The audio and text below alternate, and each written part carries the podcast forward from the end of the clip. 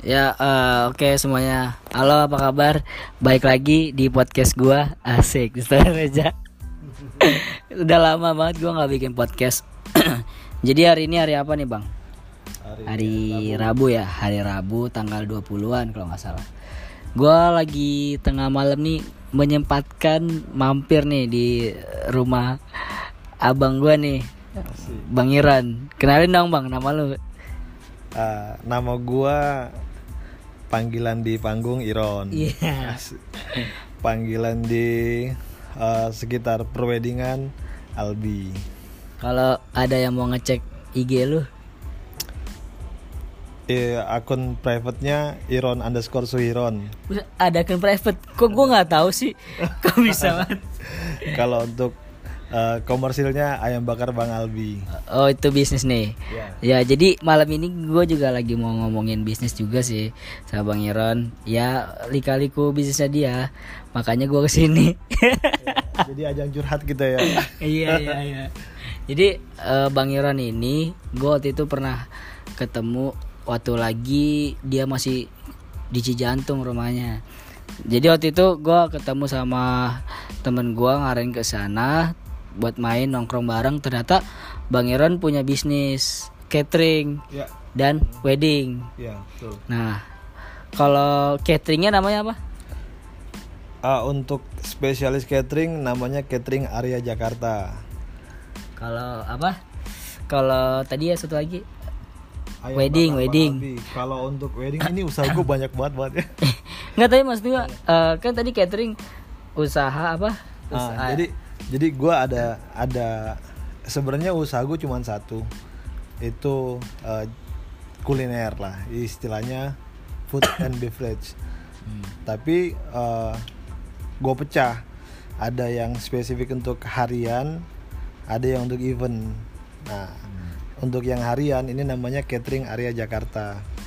Kalau yang untuk event namanya Fortuna Catering Kalau wedding itu Fortuna Catering apa tuh? Nah, dia itu Fortuna Catering masuknya. Karena untuk eh, apa namanya? eh, base atau kepalanya di perwedingan itu yang dipegang cateringnya kalau untuk di Jakarta. Kalau kita ngomongin catering lu nih bang, kan soalnya gue liat yang paling eh, apa terlihat terus tuh catering lu tuh, karena lu masak, gue liatnya nganter-nganterin Kuli ba- Enggak maksudnya nganter-nganterin barang gitu lah. Ah. Nah, itu tuh kita harus mundur berapa tahun nih? Awal mulanya lu mulai ini. Awal mula ngejajaknya itu dari tahun 2010. Itu nggak langsung terjun ke catering, lebih ke dunia perwedingan. Kalau untuk masuk ke dunia cateringnya, gue mulai di tahun 2016. Ceritanya gimana? Kok lu bisa masuk ke catering? sebenarnya sebenarnya gue ini lebih ke tukang jualan sebenarnya bukan bukan eh, tukang masak ya cuman eh, seperjalanan eh, jadi marketing di salah satu catering terbesar di Jakarta Wah, bisa tuh sebut merek. mereknya lanjut lanjut. Nah, nanti nanti gue dipecat lagi Jadi terus terus. terus. jadi gue paling suka ngoprek sama orang-orang dapur supaya dapat makan gratis awalnya dari situ nah Tapi dari situ lu jadi ngerti gitu. Ah, ah, dari situ karena gue akrab akhirnya gue sering disuruh sama chef Ah, disuruh ini disuruh itu sampai akhirnya ah itulah gue tahu mana jahe mana lengkoas Malah itu dong. Iya, iya. itu itu titik awalnya itu titik awalnya Terus terus em, pas lagi lu mulai berani kayak mau buka sendiri gitu tuh gimana tuh ceritanya? Nah bicara buka sendiri sama bicara kerja ya. Nah, emang dari awal itu dari awal nih seakan-akan gitu ya. Seakan-akan, emang kayaknya gue nih bukan pekerja. Berarti dulu lu pernah kerja dong? iya gue pernah kerja. Tapi bukan kerja yang kayak ngelamar terus harus pakai ijazah gitu Tapi emang udah ada orang dalam. Hmm, enggak. Jadi lebih ke perusahaan personal sih. Karena kalau dunia catering itu kan nggak ada yang ini ya nggak ada yang pakai legalitas kalau untuk perwedingan Nggak ada yang kayak taruh lamaran situ gitu. nggak ada. Gue nggak pernah ngelamar kayak orang-orang umum terus nanya eh, apa namanya gaji gitu ya Tapi Gua- itu kerjanya catering. iya. Semuanya dunianya dunia perwedingan Lanjut lanjut. Terus abis itu lu gimana ceritanya? Lu dari kerja itu mau cabut terus bikin sendiri? nah itu dia. Dari awal itu polanya gue ini emang sebenarnya bukan pekerja. Jadi di saat nyaman, di saat gue di saat gua kerja sama orang itu eh, jadi kayak ngerangkum pelajaran aja. Dan emang hawa nafsunya itu sebenarnya pengennya jadi owner sih dari awal gitu ya. Cuman pengalamannya belum lengkap mungkin. Sampai seiring waktu dari situlah gua niatin untuk buka deh dengan brand sendiri. Tahun berapa tuh kira-kira? itu masuk em perwedingan ya bukan dapur ya. Jadi awalnya wedding dulu baru dapur. Iya awalnya wedding dulu. Gue buka eh, di tahun 2014. Awalnya tuh. Dan itu awalnya buka wedding, bukan buka catering. Yang yang nol gitu, nggak ada nggak ada modal, bukan modal maksudnya. Kayak kalau wedding kan biasanya punya alat-alat ini itu.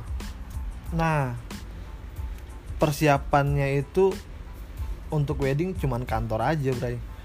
Nggak yang lainnya itu vendor gitu. Betul. Jadi gue semacam calo profesional. Nah, jadi nih buat yang denger nih nggak harus apa namanya kalau lo mau jadi WO itu lo harus punya ini harus punya itu cuman cukup punya kantor buat kayak orang dateng ya Ah, kan ah, Lo betul. marketingin nawarin Betul. Jadi yang disiapin itu eh, tempat untuk ngobrol sama calon customer. Itu aja sih. Selebihnya benar-benar eh, mengandalkan skill negosiasi sama pengalaman-pengalaman dan vendor-vendor yang kita punya. yang penting kepercayaan lah ya sama vendor Betul, betul. terus kalau sekarang nih kira-kira banyak banget gak apa kayak orderan gitu lu biasa kira-kira tuh eh, ramenya di bulan apa gitu atau gimana Kalau bicara banyak, justru gue banyak itu zaman dulu. Rame-ramenya itu justru dari zaman dulu. Kok Kalau gitu? sekarang kalau sekarang gue jadi gini, dulu itu gue masih masih random ngambilnya ada kelas bawah gue ambil, ada kelas menengah gue ambil gitu ya. Kalau sekarang gue benar-benar sortir yang gue ambil cuma kelas menengah doang. Nah, kok lu sortir tuh kenapa? Maksudnya kalau dulu nggak lu sortir aja banyak. Berarti mas gua berarti lu banyak jam terbang terus banyak ya yang masuk lah. Kenapa sekarang lu mau sortir? Maksudnya alasan lu kenapa tuh kok bisa kayak gitu? Ah, yang lebih paham mungkin sesama dunia perwedingan ya. yang pertama itu em, jadi kenapa gue sortir Eh, kalau budgetnya murah udah ketahuan tuh yang budgetnya murah ini kalau di kantor ini kerjanya sebagai apa terus attitude-nya kayak gimana sedangkan eh, usaha ini bener-bener bener-bener usaha yang menampilkan keindahan gitu. Nah rata-rata pengen indah tapi budgetnya minim. Oh ini wedding nih, wedding nih. wedding wedding. Kita bicara tentang wedding. Sebelum gua masuk ke catering. ah sebelum gua masuk ke catering. Itu zaman dulu gue bener-bener ngambilnya itu random. Ternyata eh, Ribet, banyak maunya. Makin ke sini gue makin paham jadi gue bener-bener cari resiko yang paling kecil gitu Jadi kayak lu harus spesifikasi pasar banget ya. bener bener kalau asal comot asal comot wah jadinya wah kacau deh pokoknya Maksain. Ah, iya, betul. bener gak? Maksain. betul Saya maksain misalnya si klien pengennya A B tapi budgetnya segini. Hmm. Akhirnya lu yang iya betul Ah, intinya gini ada kualitas pasti ada harga kan berarti awal-awal tuh lu dari dari wedding tuh. Hmm. Nah, pas lagi lu mulai lanjut ke apa namanya? ke catering tuh gimana? Mulai mau nambahin catering gitu. Hmm. Jadi eh, seiring berjalan jadi gue di sini juga status perjalanannya bisa punya itu gue mencoba mencoba untuk eh, apa namanya konsultan konsultan eh, Konsultan wedding. konsultan wedding jadi para para big boss para big boss yang punya duit yang mau mau buka usaha apa nah itu di situlah peran gua membantu dia untuk uh, membuat usaha Usaha bukan wedding. usaha ah, um- membuat usaha wedding itu Oh, usaha wedding. oke. Nah, ada ada beberapa catering sampai sekarang masih berdiri sekitar lima lah di Jakarta. Hmm. Itu, Itu vendor. Itu hasil karya gua. Jadi bener-bener dari nol eh, belum ada nama di Jakarta sampai ada sampai ada nama di Jakarta. Gitu jasa lu semua tuh. Iya betul. Dan di saat it- saat lu ngajarin mereka tuh lu belum belum ini. Belum punya catering tuh. Nah seiring berjalan seiring berjalan dari semua itu barulah eh, jadi dalam perjalanan itu gua makin banyak ilmu di dapur. Ada win-win solutionnya tuh dari situlah gue mantepin diri untuk gue terjun ke dunia operasional di dapur itu itu berdiri di tahun 2016 2016, 17, 18. Ya baru 4 tahun ya? maksudnya, maksudnya hampir lima tahun kan 2020 udah mau habis nih Oh iya, tapi mas gua kalau menurut itu termasuk cepat apa gimana? Em, cepet atau lambat itu kalau kalau lambat menurut gue lambat banget sih sebenarnya.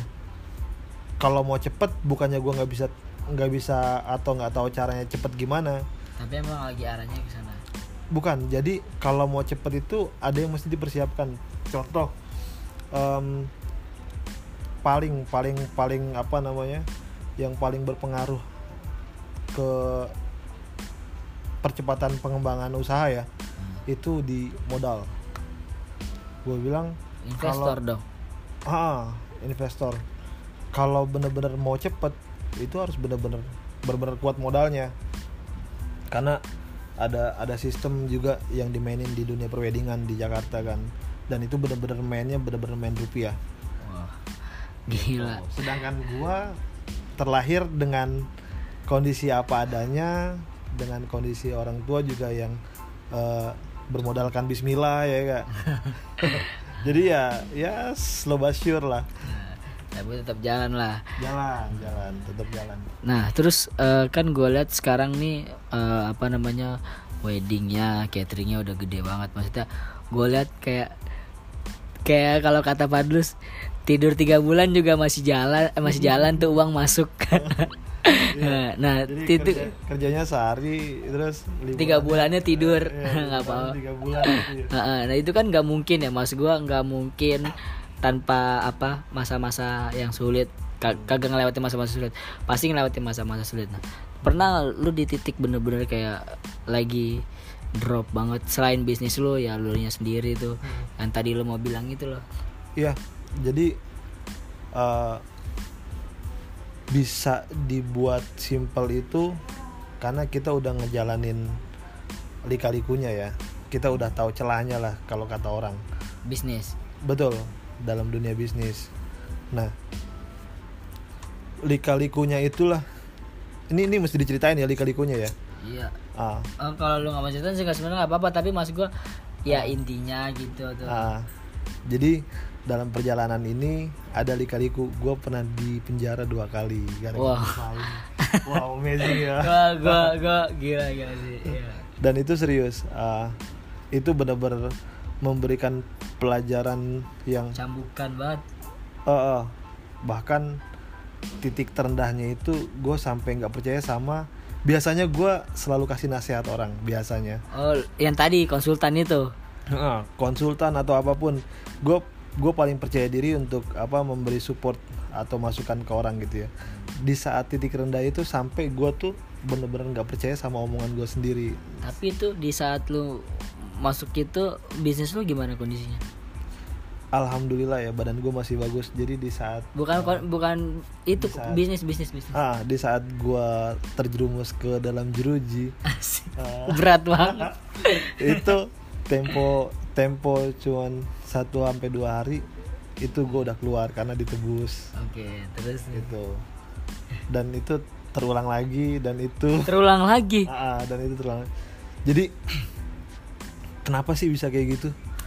Gimana? jadi ad, eh, ada teknis-teknis yang belum gue pahamin di lapangan. Contohnya gimana? Yang pertama pada waktu itu eh, catering telat sempet catering telat dan itu benar-benar fatal ya kalau di dunia perwedingan kita nggak telat kita nggak telat aja kita on time aja itu adalah telat. Apalagi kita telat. Jadi emang harus lebih dulu. Mm-mm. Nah, bukan gara-gara itu ya, tapi emang itu fatal banget. Dan dan eh, ah pokoknya itu bener-bener fatal banget buat eh, Bisnis calon itu. pengantin ya. Dan sampai ha- akhirnya harus bermusyawarah di kantor polisi untuk itu. Nah, maksud gua dari tenis-tenis itulah yang belum gua paham terus em, apa namanya pelajaran-pelajaran dari situlah akhirnya gua simpulkan sendiri dan bisa gua rangkum terus sampai sekarang gue bisa ngejalanin Ba- Usaha ini. berarti yang lu rangkum itu ada ini ya dong garis poinnya lah maksudnya berarti eh, lu udah menemukan rumus kayak kalau gua jatuh tuh gimana Oh. Ya, yang tadi gitu loh Mm-mm.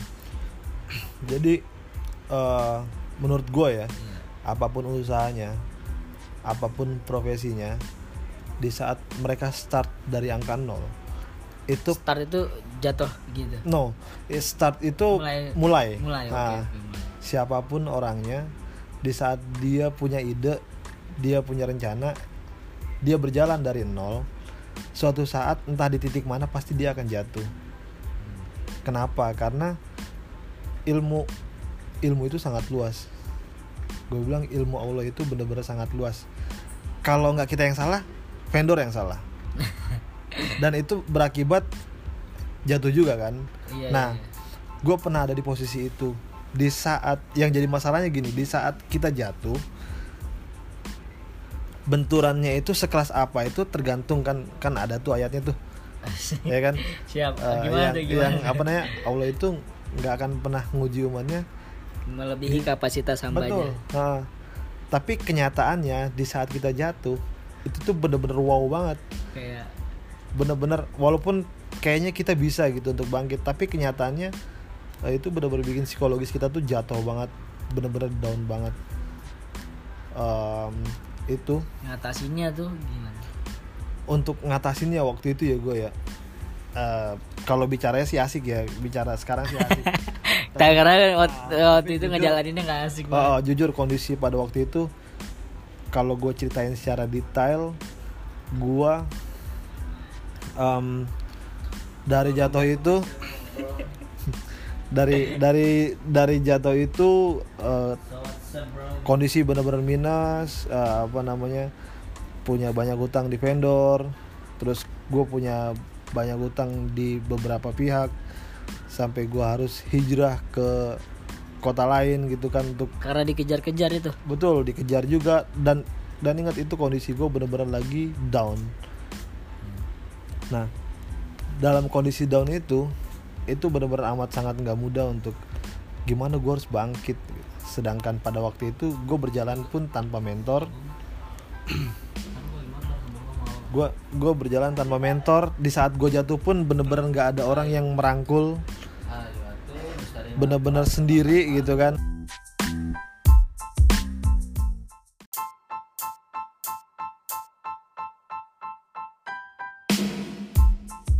Cuman maksud gue gini em, setiap orang pasti bakal ngalamin jatuh sehebat apa pun orang itu pasti bakal ngalamin jatuh cuman nggak banyak orang yang bisa bangkit. Nah, gimana cara gue bangkit pada waktu itu? Pada waktu itu gue nggak punya cara, tapi gue cuman ngejalanin. Kalau bahasa kerennya itu ikhtiar. Pada Let- waktu itu. Let it flow, Apa tuh? Ikutin alur aja. Ah iya, gue hanya mengikuti alur. Tapi ada satu yang gue pegang dari kesimpulan perjalanan itu. Ternyata emang cara yang paling ampuh pada saat itu adalah bener-bener nurunin ego. Maksudnya gimana gimana? gue bilang pada waktu itu gue jalan bener-bener nurunin ego posisi gue pada waktu sebelum jatuh itu di atas status status sosial gue bener-bener tinggi harga diri atau derajat gue tuh bener-bener tinggi.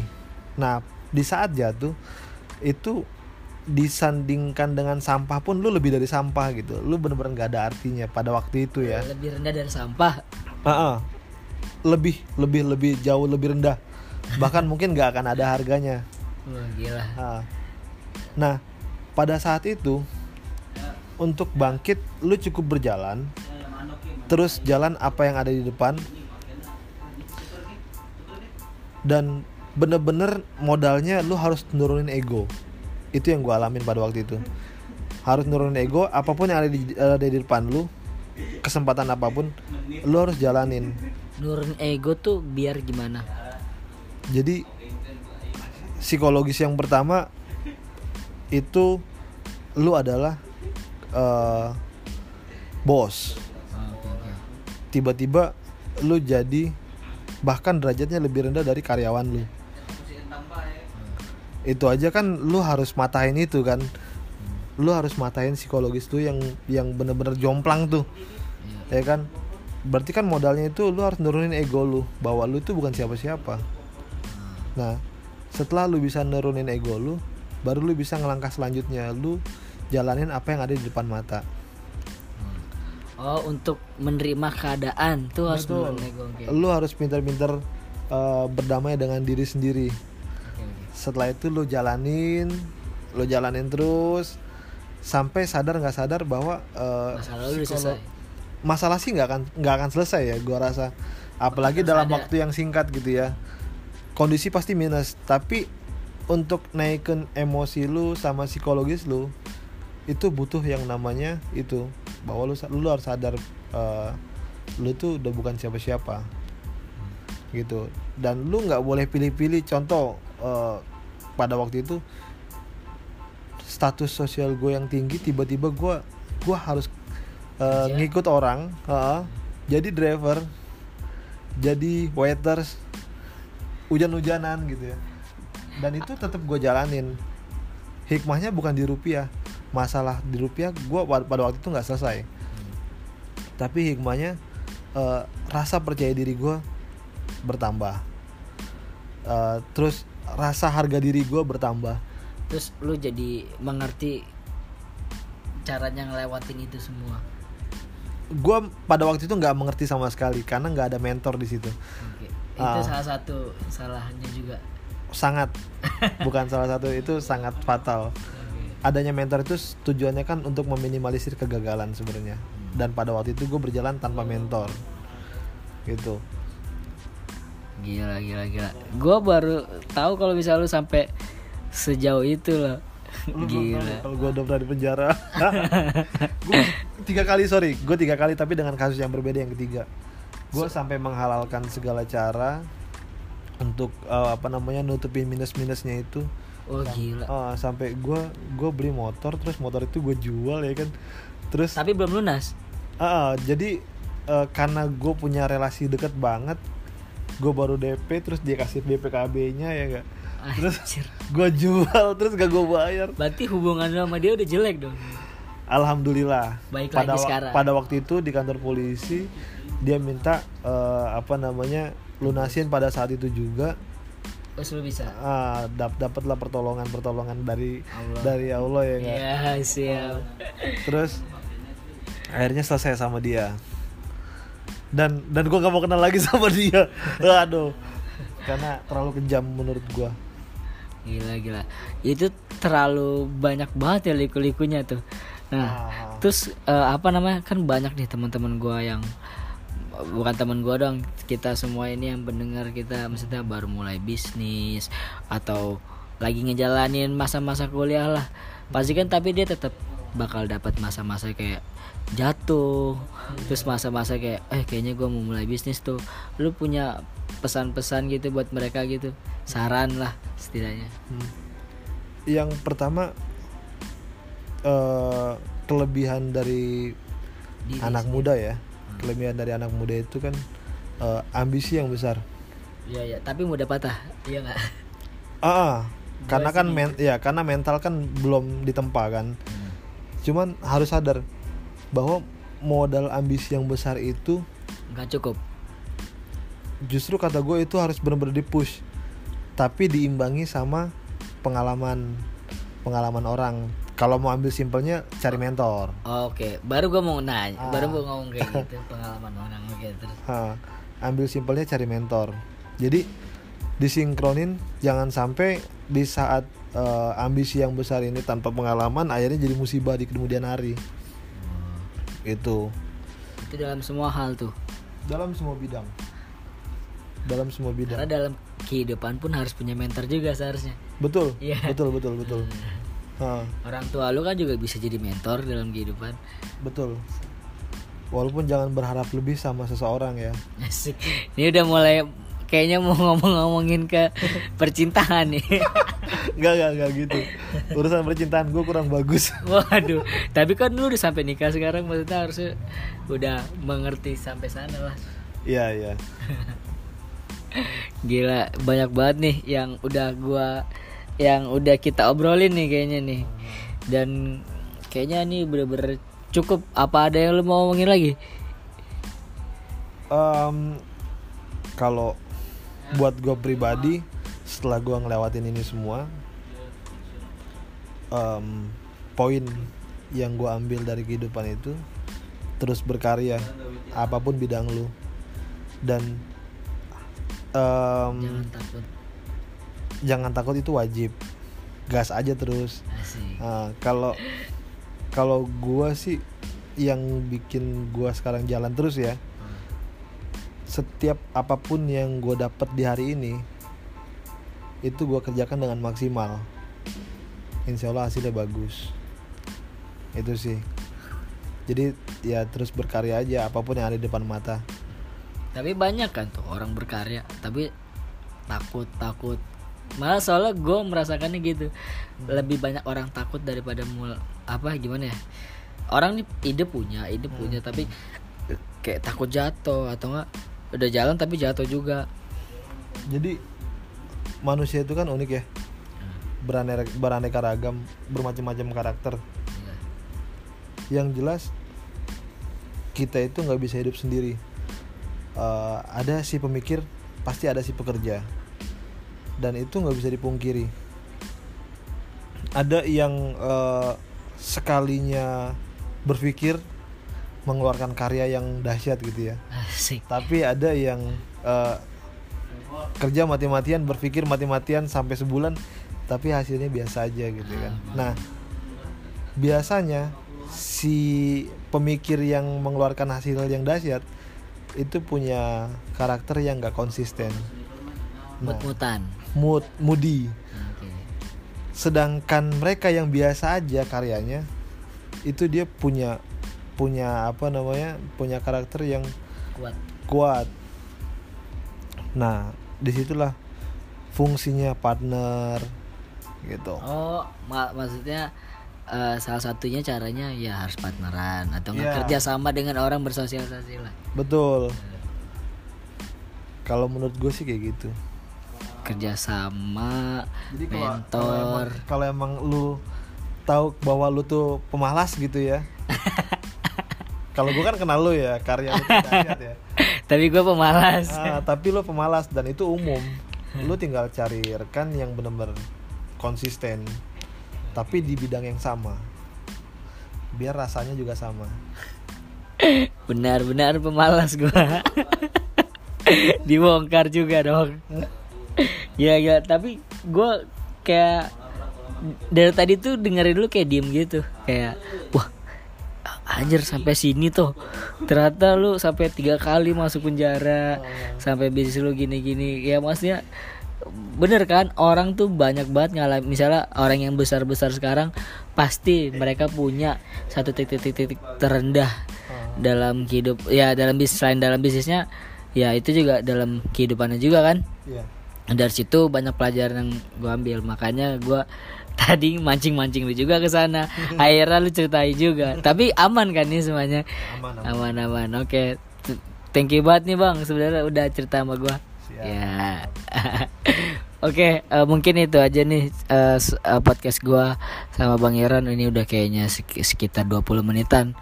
Ya thank you banget lu udah mau dengerin podcast gua. Jangan lupa follow Bang Albi ya ayam bakar Bang Albi sama catering daerah? Catering area Jakarta. Catering area Jakarta buat support terus teman-teman kita asik. Thank you semuanya udah dengerin. Sampai jumpa di podcast gua selanjutnya. Dah bye